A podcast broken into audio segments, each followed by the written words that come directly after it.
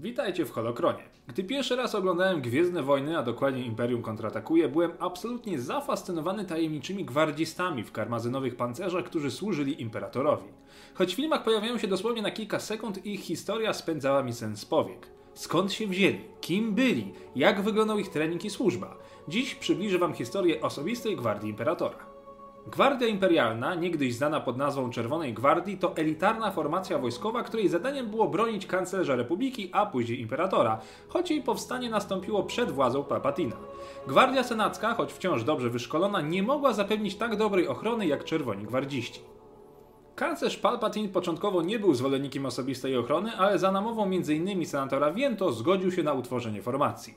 Wybrani spośród najlepszych szturmowców, choć nie tylko, szkoleni byli w jednym celu chronić życie kanclerza choćby kosztem własnego.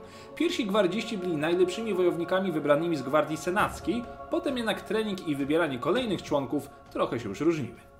Charakterystyczne czerwone pancerze gwardii zostały utworzone na wzór strojów Gwardii Słońca, będących niegdyś grupą najemników, którzy parali się magią Sithów. W rzeczywistości byli zabójcami działającymi na zlecenie lordów Sith, w tym Darth Sidiousa. Ale wróćmy do naszych karmazenowych specjalistów od ochrony.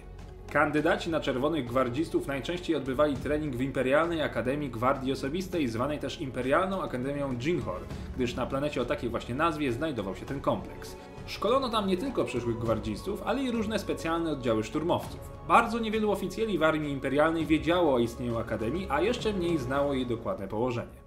Trening adeptów polegał na walkach w parach oraz przeciwko sobie. Dzięki zmiennemu treningowi osiągali mistrzostwo w walkach solowych, jak i w takich, które wymagały kooperacji. Niepodołanie treningowi najczęściej kończyło się śmiercią adepta, tak więc selekcja była tutaj kluczowa. W końcowym teście, w obecności samego imperatora, na arenie zwanej szkwałem, wybrani wojownicy staczali walkę przeciwko sobie na śmierć i życie. Tylko najlepszy z najlepszych mógł dostąpić zaszczytu zostania czerwonym gwardzistą.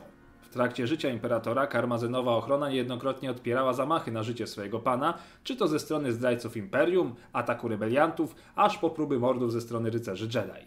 Jednakże po śmierci imperatora nastąpił rozłam, nie tylko w siłach imperium, ale i w Czerwonej Gwardii. Część z najbardziej oddanych nie widziała sensu życia w świecie bez swego mistrza, tak więc popełnili samobójstwo. Inni przyłączyli się do lordów, służąc im za ochroniarzy, a jeszcze inni pozostali wierni i czekali cierpliwie na wybór nowego przywódcy. Po wielu latach szwendania się po galaktyce nastąpiło tajemnicze wezwanie. Byli gwardziści mieli stawić się na planecie Bys. Tam poznawali nowe wcielenie swojego byłego mistrza w postaci klona imperatora, który ponownie werbował ich do służby. Najlepszych i najwierniejszych mianował najwyższymi protektorami. Życie gwardzistów znów miało sens, jednak do czasu, gdyż większość z nich zginęła na pokładzie niszczyciela Eclipse, który dostał się w burze mocy. Ostatnie klony Imperatora zostały zniszczone w wyniku wewnętrznego zamachu, a ostatni z nich, również uszkodzony, starzał się kilkakrotnie razy szybciej niż powinien. To jednak historia, którą warto, abyście sami poznali. Więcej o honorze, odpowiedzialności i zasad Gwardii Imperialnej dowiecie się ze świetnego komiksu pod tytułem Karmazynowe Imperium, gdzie poznacie historię Karnora Jacksa oraz Kira Kanosa. Na koniec jeszcze słów parę o tajemniczej jednostce zwanej Imperialną Gwardią Cienia. Ta elita elity była wyselekcjonowana przez samego imperatora.